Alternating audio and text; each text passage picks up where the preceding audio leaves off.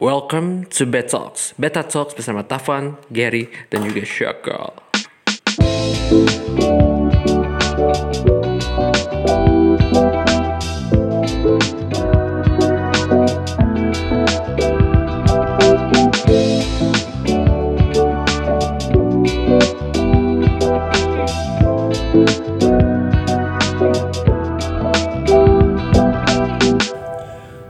Bulan Juli kemarin internet tuh sempat geger dengan sebuah pelelangan yang ada di Instagram. Tahu nggak sih kemarin nih? Atau kemarin tidak update dengan dunia internet di Indonesia? Yang Arif Muhammad bukan sih yang 500 Iya, iya. juta itu? eh, benar. Oh iya. Jadi Iya. jadi kalau misalnya kamu, kamu yang belum tahu bulan Juli kemarin tuh di Instagram sempat rame. Eh, jadi Arif Muhammad itu eh, ngebeli mobil Nissan March dari followernya yang yang minta diju minta dibeli dibeliin tolong dibelilah dibelinya tuh berapa gitu intinya di nggak tahu di bawah 50 nggak tahu di atas 50 intinya masih murah ya Dirahasiain kok. Nah, dirahasiain Hmm. gak dikasih tahu. Iya nggak dikasih tahu juga dan itu kondisinya eh, sangat sangat bobrok banget lah kayak bener beneran mobil yang nggak pernah dicuci gimana gimana gitulah bener-bener ini kepake cuma rangkanya doang. iya asli dan yang bagus tuh setelah di review tuh paling cuma AC-nya doang dingin udah sisanya kayak eh, remnya jebol terus Iya. Oh, jing. kotor dalamnya kayak nggak per- emang nggak pernah dibersihin aja Ya.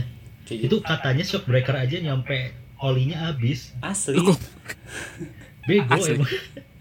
Bego orangnya.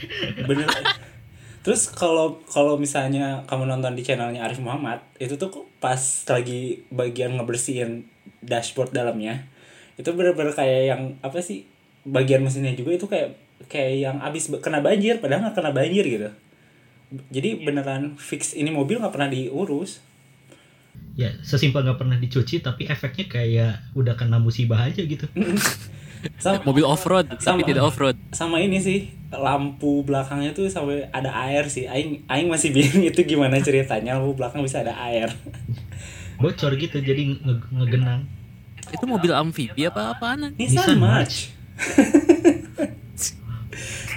Mobil intinya- murah yang sebenarnya dibuat buat tahan banting itu dibanting. Hebat orangnya itu. tahannya udah lewat. Ya ya intinya Nissan March buduk banget. Nah, terus udah di dimodif segala macem, bukan dimodif sih, direparasi lah seperti awal dan Restorasi sih biar jadi balik lagi. Heeh, dengan dengan kondisi yang jauh lebih baik dan dia tuh nge nge, nge open beat. Nge open beat si Nissan March. Awalnya sih masih masih rada dimasuk akal kayak 50 juta 100 sampai 150 lah. Tiba Tapi kan mungkin yang harus kita ini lagi ya itu ngerestorasinya habisnya berapa coba? 50 jutaan kan? 100 atau 200 sih yang lupa. Eh 100 kan? 100 jutaan. Seratusan deh kayaknya pokoknya 50 sampai 100 juta Mm. buat ngerestorasi Nissan March. itu Mending beli baru. emang itu emang kayak kalau misalnya maneh bener-bener gak punya uang itu jatuhnya rugi dong ketika uang Iya be- uang beli tapi ngeres apa lebih lebih murah gitu nah intinya terus habis itu kan nih mobil udah nih udah dilelang di Instagram di dibuka tuh mulai dari 50 berapa lah 80 tiba-tiba ada yang 100 150 juta sampai pada akhirnya tuh 500 juta. Dan si pokoknya tutup 500 juta karena yang karena Arif Muhammad juga emang udah ngantuk gitu udah malam waktu itu ceritanya. Pokoknya kalau misalnya kalau pengen tahu ceritanya kamu bisa nonton aja di YouTube-nya Arif Muhammad.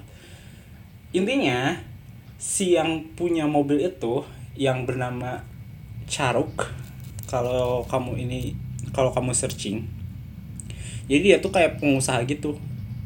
Pengusaha yang apa sih dan kemat pengusaha yang punya kayak studio terus dia bergerak di entertain terus di bidang kayak logistik gitulah.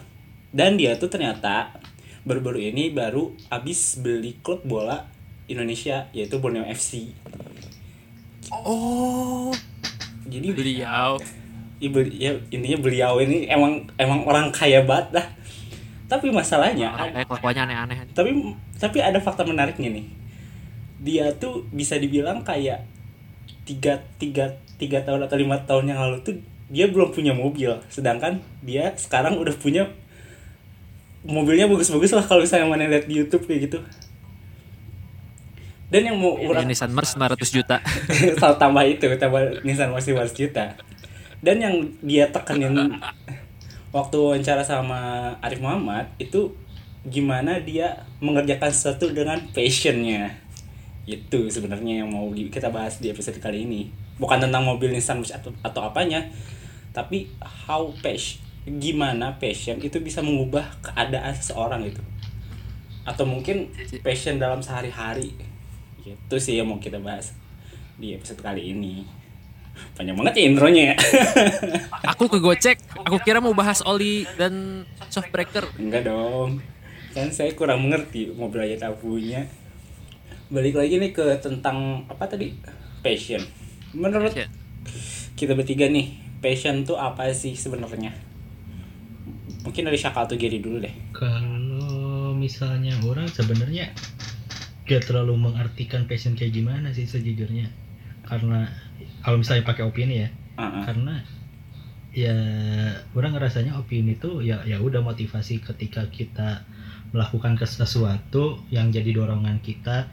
Dan ketika misalnya kita ngerjain sesuatu tuh kita rasanya ya senang aja cocok aja gitu ngerasa damai aja. Dan eh, menggebu-gebu lah ketika mengerjakannya. Kayaknya biar jadi passionate gitu lah pas ngerjainnya. Sampai saat ini orang mikirnya masih sesimpel itu aja sih untuk kalau passion gimana gitu kalau keywordnya sama sih kurang lebih apa feeling ya perasaan yang kuat dan dia bisa mempengaruhi aksi dan motivasi orang-orang gitu sih.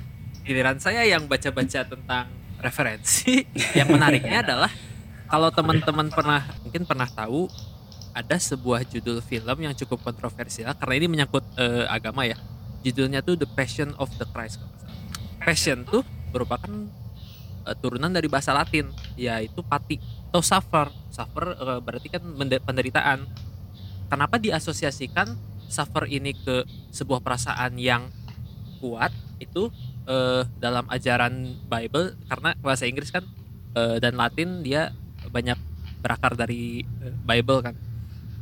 Dia merefer passion itu sebagai eh, sufferingnya dari si eh, Jesus Christ ini gitu. Dan akhirnya passion pas, pati dan menjadi pasio dan akhirnya menjadi passion ini eh, menjadi terikat dengan sebuah perasaan yang kuat. Karena waktu itu di referensinya kan eh, the suffering of Jesus eh, and death of Jesus Christ to eh, save the humankind kan kalau eh, kalimatnya begitu. Terlepas dari teman-teman yang dengar percaya atau enggak gitu ya. Jadi passion itu direfer ke sebuah perasaan eh, yang sangat kuat dan eh, bahkan bisa tidak terkontrol gitu misalkan contoh mungkin yang paling relatable dulu eh, kalau misalkan mengerjakan sesuatu dengan passion kadang-kadang susah berhenti gitu. Kadang-kadang jalan aja terus gitu. Atau bahkan sebaliknya kalau kita tidak melakukan sesuatu dengan passion ada orang-orang yang ah males. Jadi eh, kata kuncinya ke emosi sih ke perasaan yang bahkan mungkin tidak terkontrol dan mempengaruhi aksi gitu. Hmm. Kalau dari orang sendiri, passion tuh bisa dibilang sebuah kegiatan yang disukai oleh suatu individu ya. Terus dari kegiatan tersebut dia merasa suka langs- dan bisa menghasilkan juga. Nah kalau dari orang sih kayak gitu.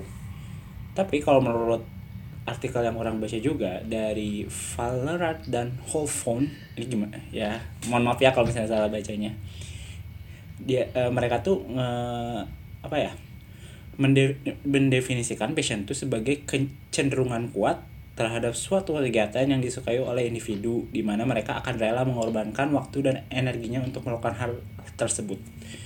Ya intinya rela berkorban sih kalau misalnya menurut eh Val Valorant dan Holfon ini. Dia menggarisbawahinya di situ. Maka kalau dari situ pertanyaannya mungkin yang bisa ditanyain kira-kira apa ya? Eh, kita juga mengenal istilah passion, kita juga is- kenal istilah hobi gitu kali ya. nah nah nah ya jadi ya Dari situ apa ya kira-kira yang ngebedain antara passion? Apakah sama atau beda dan kalau misalnya beda apa apa perbedaannya kira-kira gitu? kalau menurut orang sih balik lagi ya ke yang tadi ke sesuai definisi orang se- de- de- definisi orang sendiri yang udah yang udah di diolah dari berbagai macam literatur atau sumber sumber lain lah.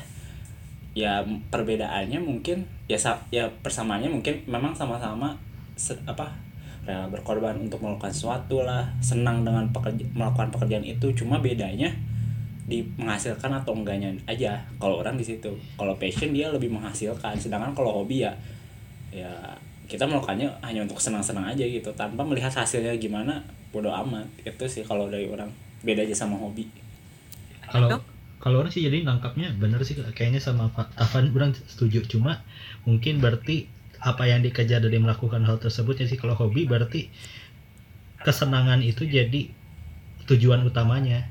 Tapi ketika kita melaksanakan passion kayaknya kadang-kadang kita kalau misalnya ngerjain sesuatu yang passion bakalan muncul eh, gak senangnya gitu loh. Pasti ada gak sih? Walaupun jika ada pemain bola juga kayaknya pemain bola yang senang main bola akan ada satu titik dia bosan main bola sih hmm pasti Hmm. Nah, tapi yang bikin orang bedain lagi adalah mungkin orang tambahinnya di sini yang namanya passion itu kita jadi kayak punya semacam motivasinya tuh ketika kita jatuh ketidakinginan untuk melaksanakan itu ada dorongan untuk kembali lagi ke mood terbaiknya gitu loh. Oh enggak. Iya iya. Coba kebayang nggak maksud orang? Kebayang kebayang. Analoginya kalau misalnya mobil tuh berarti bahan bakarnya gitu ya. Ya, eh, jadi kayak eh, pas- passion tuh eh, ketika kita misalnya sedang jatuh gitu ya, lagi males ngerjain apa yang kita passionin, ada kemungkinan bakalan balik lagi ke performa terbaiknya atau ke tingkatan terbaiknya tuh bisa lebih cepat kalau misalnya itu bener passion kita sedangkan hobi hobi itu menurut orang adalah sesuatu yang sangat mudah untuk ditinggalkan aja gitu hmm, Nggak- Hmm. musiman lah. menuntut mana untuk ya musiman mana gak dituntut untuk segera melakukan itu kembali. Gak ketika mana bosan ya tinggal ditinggalin. Sedangkan passion tuh Hmm. bedanya di sana. Jadi ketika bosan terus gimana? Akan muncul dorongan untuk kembali lagi moodnya atau apanya semangatnya buat ngerjain itu lagi.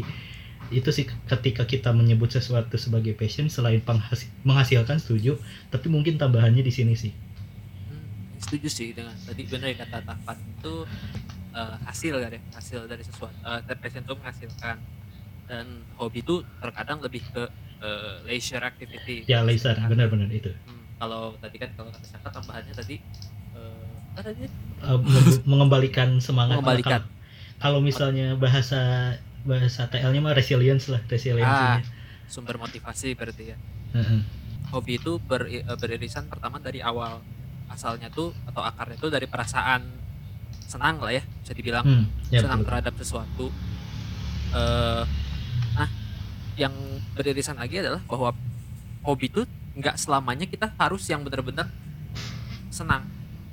Hobi itu bisa sekedar sesuatu yang eh, apa ya meringankan lah gitu. Eh, yang bisa kita taruh sebagai aktivitas istirahat. Karena apa yang membedakan hobi dengan passion adalah tadi yang ngerasa dari poin apa konsekuensi gitu. Konsekuensi dari passion adalah eh, aksi dan produk gitu dan Oh, iya, ketika itu dan ketika itu ditinggalkan eh, malah jadi self kitanya kadang-kadang terganggu gitu.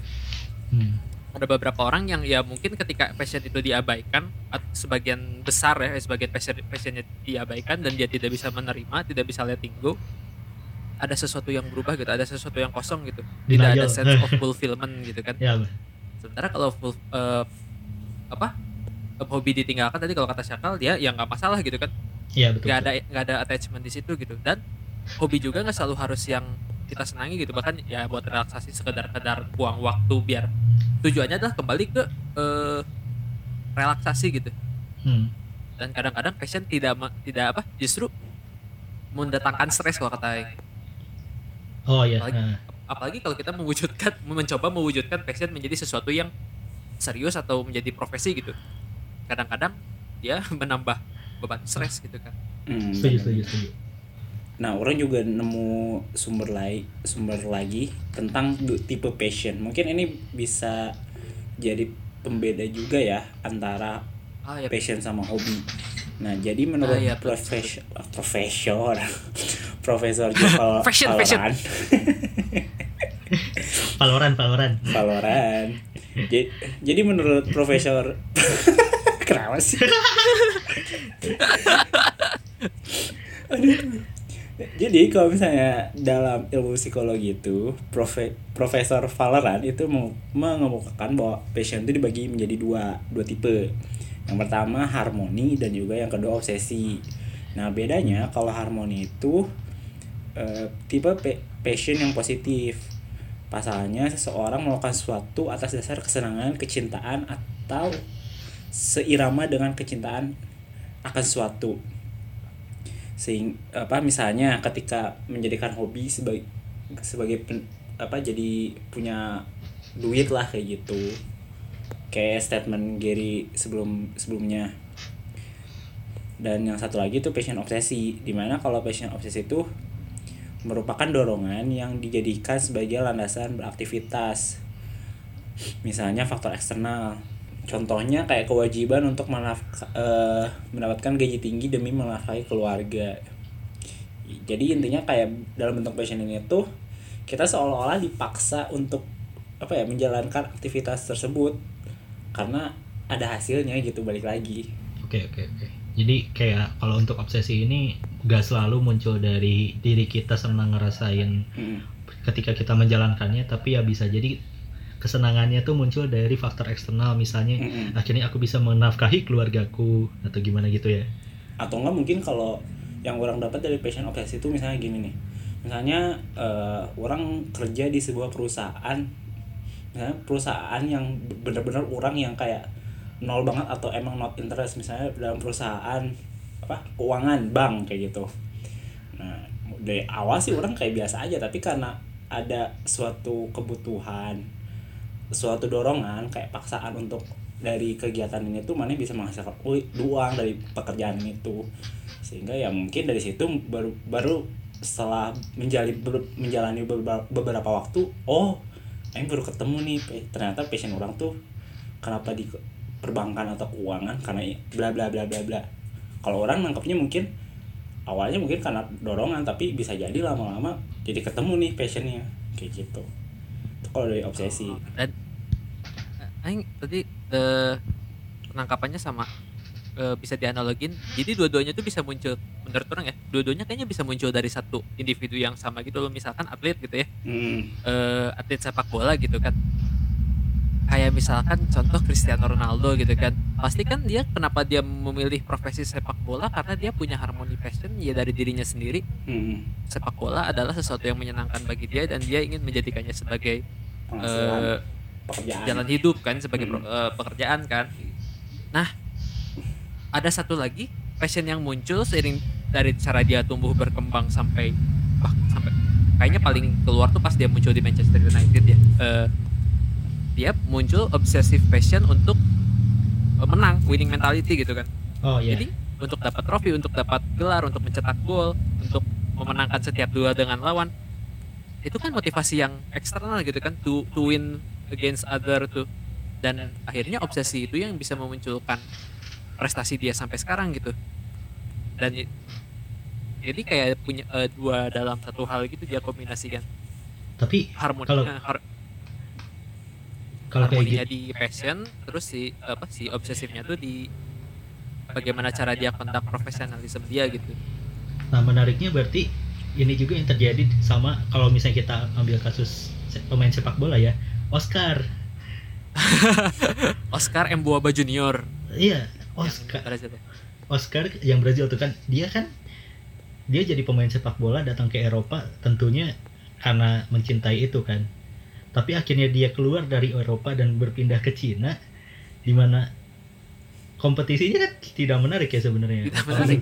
sejujurnya nggak menarik sama sekali nggak? Maksudnya kalau misalnya dibandingkan dengan posisi dia sebelumnya di Liga Inggris iya. glorinya glorinya juara di Cina sama juara di Inggris kayaknya Beda. agak beda gitu kan.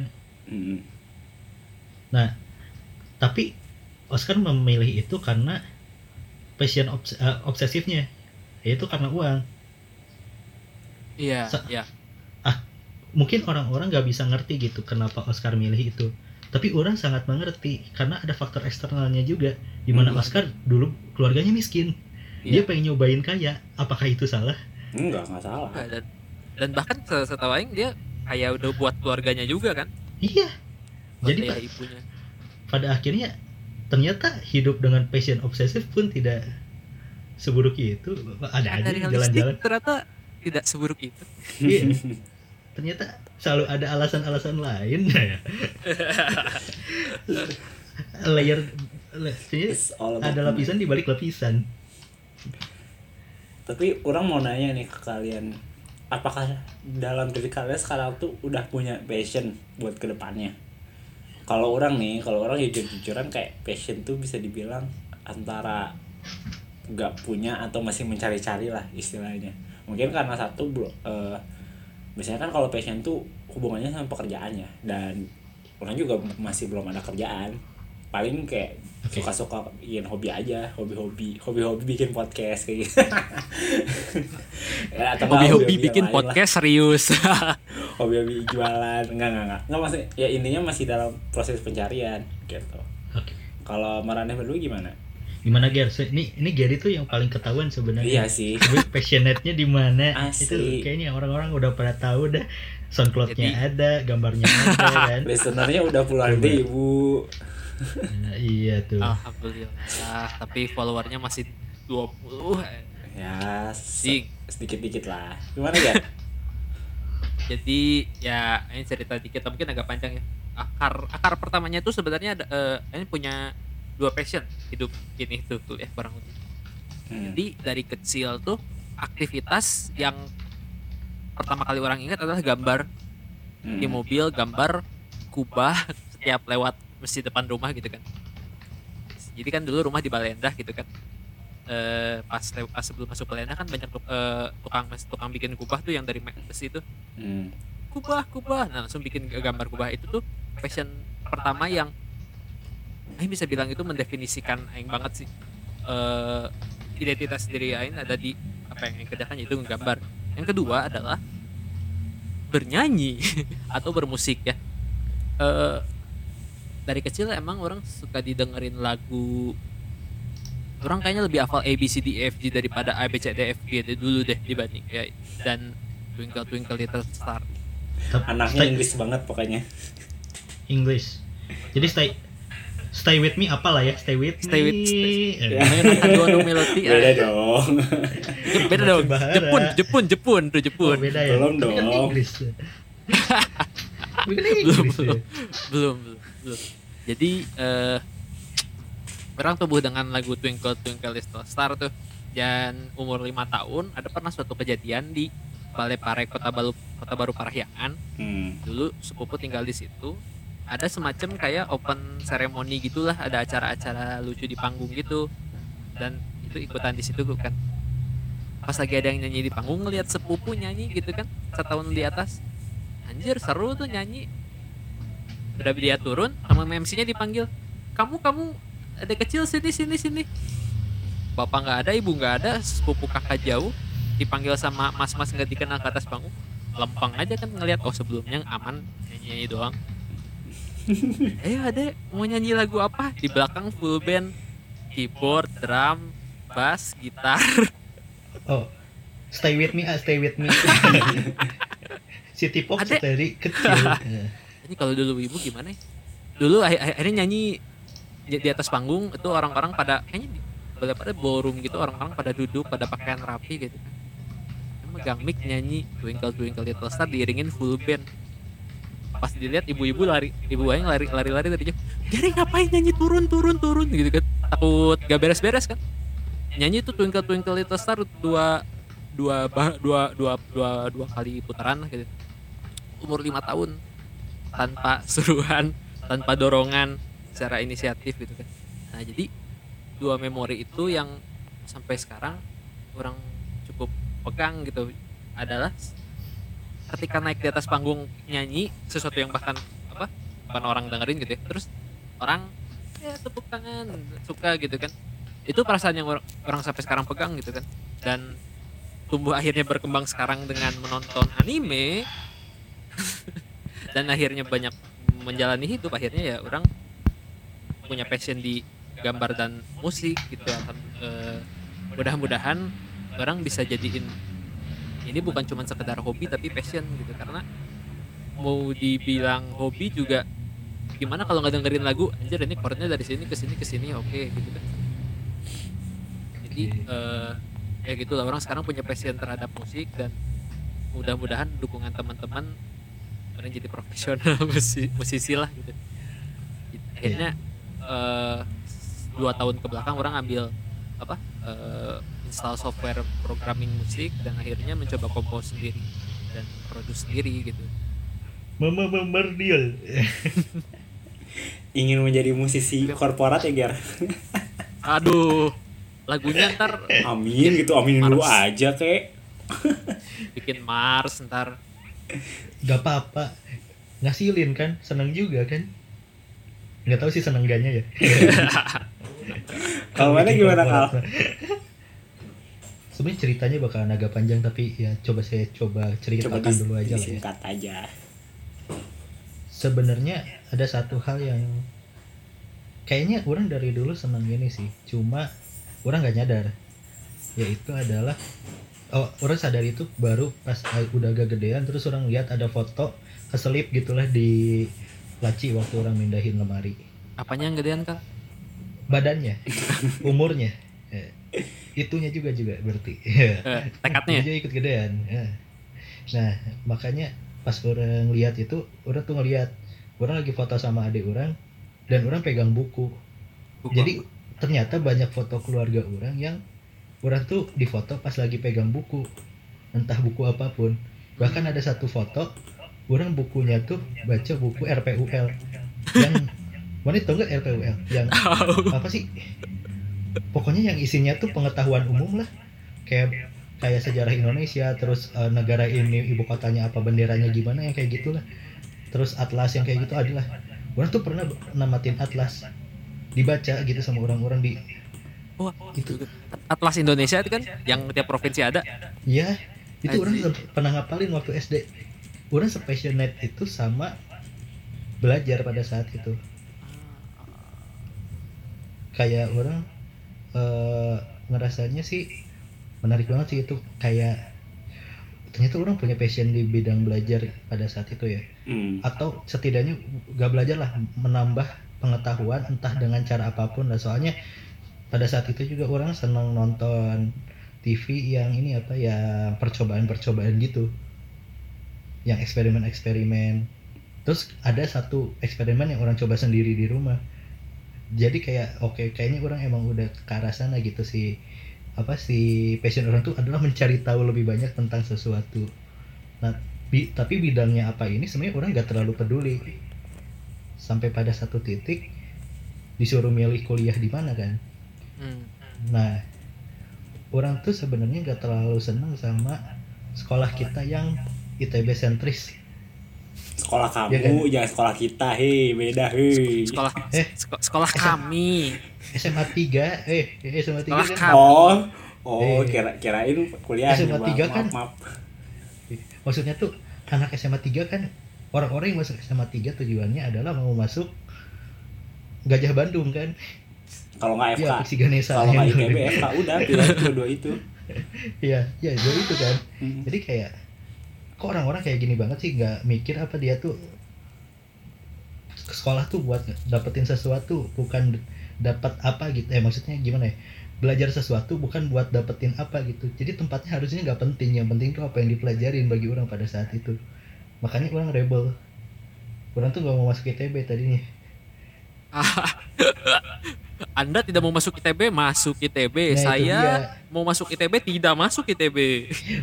pada akhirnya setelah pencarian jurusan orang menemukan satu jurusan yang orang senengin yaitu teknik sipil yang benar-benar kayak ngambil banget hati lah. Hati itu bergetar ketika mendengarkan pembahasan tentang teknik sipil. Nah orang mau nyari di mana gitu teknik sipil yang bagus. Pada akhirnya konsekuensi logis yang masuk ke Gajah Bandung nih mau gimana lagi pada saat itu ya. Jadi akhirnya ya perjalanan orang mencari passion itu adalah pertama ngapain ya? Terus apanya? Nah yang itu sih yang orang benar-benar kerasain Kayaknya relate sih cerita milih jurusan tuh. Dari gambar kan. ya. Terus di dibelokin nih sama. Gary mau Gary suka ngegambar, iya. Jurusan seni ya mah. Jangan. Eh, ini aja sama gambar arsitek. Arsitek? Ya arsitek. Aing nggak tahu arsitek apaan sampai sampai bahkan kelas 3 sampai kelas 3 SMA tuh aing nggak tahu arsitek kerjanya apa gitu. Tahu ngegambar bangunan cuman tidak tahu skupnya. Dibelokin ke arsitek. Kalau nulis dari SD tuh cita-cita apa arsitek? Nggak tahu. Tulisnya arsitek dulu gitu kan. Konsekuensi konse- konsekuensi logisnya juga sama. Arsitek yang bagus di mana ya? Oh ITB ya keterima. Oh yang bagus lagi yang mana? Ya unpar. Ternyata keterimanya kayak yang lebih bagus iya nggak cuman di mana mana sama aja. Cuman ya itu persepsi persepsi orang-orang gitu kan. Mungkin kalau misalnya menurut apa ya kalau dari pernyat kayak pertanyaan Gary kok tadi itu ada satu istilah kekinian lah kata orang tua buat sekarang tuh. Ada pokoknya kalau misalnya berdasarkan pertanyaan Gary yang tadi ada suatu istilah yang sekarang lagi rame banget dipakai khususnya buat orang-orang yang hidup di daerah urban dan memiliki sebuah pekerjaan yaitu ikigai apa itu ikigai itu ikigai ya? bahasa Jepang kalau secara sederhananya nih jadi ikigai itu lebih eh kok lobet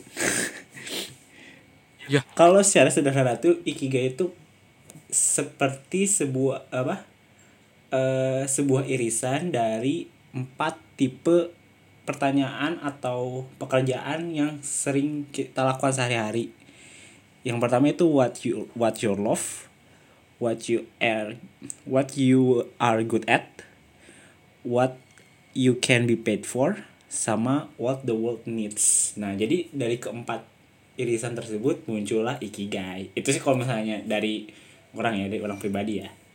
jadi ikigai itu kan eh, dari bahasa Jepang ya iki dan gai iki itu hidup gai itu purpose kan. Konsep yang sama juga ada di eh Perancis.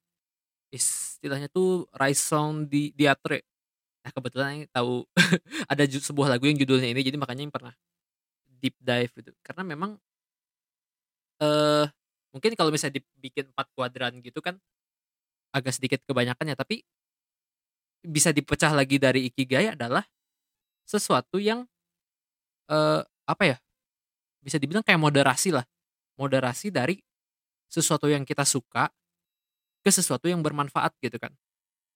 Nah sesuatu sesuatu yang kita suka dan kita bikin fulfill tapi bikin juga dunia lebih baik gitu. Nah itulah kenapa dibuat eh, empat kuadran dari ikigai gitu kan. Bahwa tidak cuman kita harus punya passion kita juga harus bisa eh, deliver gitu. Gimana cara passion itu bisa mencapai eh mencapai sebuah tujuan? Ya pertama passion itu juga harus bisa disalurkan terhadap apa yang dunia butuhkan gitu. Makanya what the world needs. Terus juga passion harus bisa menghasilkan bukan cuman perasaan, dia harus punya wujud wujud nyata. Makanya dia menjadi sesuatu yang harus kita jago. What we are good. Tapi untuk kita melaksanakan itu terus menerus sampai kita eh, apa sampai kita tua dan tidak bisa melakukannya lagi maka kita harus tetap hidup ya nggak sih? Kita harus tetap ikiteru. Makanya kita harus paid. Kita harus bisa bukan bukan paid dalam waktu uang, uang juga ya tapi bisa juga eh, hidup dari situ gitu. Baik itu dari eh, baik itu dari uang baik itu dari kebutuhan baik itu dari asuransi misalkan. Jadi eh, kalau misalnya untuk membreakdown ikigai titik berangkatnya dari passion dari apa yang kita suka apa yang kita cintai ya mungkin ke situ arahnya bahwa passion itu adalah moderasi. Maka toolsnya ada empat kuadran itu gitu kan. Terus juga miskonsepsi terhadap ikigai adalah bahwa si tengah-tengah ikigai itu adalah sesuatu yang eh, magical sweet spot yang kita harus miliki agar kita hidup sempurna. Padahal kayaknya ikigai itu adalah purpose kitanya gitu kan. Hmm. Nah apa yang kita laku apa yang kita lakukan tuh terpecah-pecah gitu. Jadi nggak semua nggak semua terpaku pada satu hal yang kita lakukan gitu. Meskipun memang efektifnya satu di tengah kan. Misalnya Aing jadi musisi gitu kan. Musisi itu berarti bikin lagunya harus bisa yang eh, apa namanya? Harus bisa membantu dunia gitu bawa pesan-pesan baik. Terus juga lagu lagunya harus bisa dijual dan musiknya juga harus bagus sehingga Aing harus jago gitu kan. Tapi kan nggak se ideal itu gitu kan. Kadang-kadang juga dalam dalam contoh pertama dalam waktu yang tidak bersamaan kadang-kadang kita harus condong untuk melakukan apa yang kita sukai karena kebutuhan eh, mental dan kebutuhan rohani kita lah gitu. In other times kita harus buat sesuatu lagu yang misalkan harus bisa kejual gitu kan. Berarti lagu-lagu lagu-lagu joget lah misalkan gitu kan. Mungkin joget tidak sesuatu yang dunia butuhkan saat itu gitu kan tapi ketika dunia butuhkan benar-benar oke kita deliver lagu yang ya nggak apa-apa lah nggak nggak nggak nggak laku-laku banget dan aing nggak terlalu suka gitu. Tapi kebutuhannya sudah pernah terpenuhi oke kita kasih apa yang dunia butuhkan. Ya jadi eh, miskonsepsi itu tuh yang pertama nggak harus melalui satu waktu semuanya terpenuhi gitu. Dan yang kedua nggak melalui satu aktivitas doang gitu. Nah bisa jadi dari musik itu kita bisa eh, filantropi gitu bisa jadi eh, apa ngasih sumbangan world needs gitu kan bisa juga dari musik itu kita dapat endorse endorse iklan what we get paid for gitu kan. Hmm. sementara kita doing what I what we love tetap gitu kan. Hmm. jadi moderasi moderasi itu tuh nggak nggak nggak- selamanya ideal. Harus stok sama satu waktu dan satu aktivitas sih. Itu mungkin. Betul betul. Kayak punya Twitch sama OnlyFans ya. Satu fashion yang sama gitu ya berbagi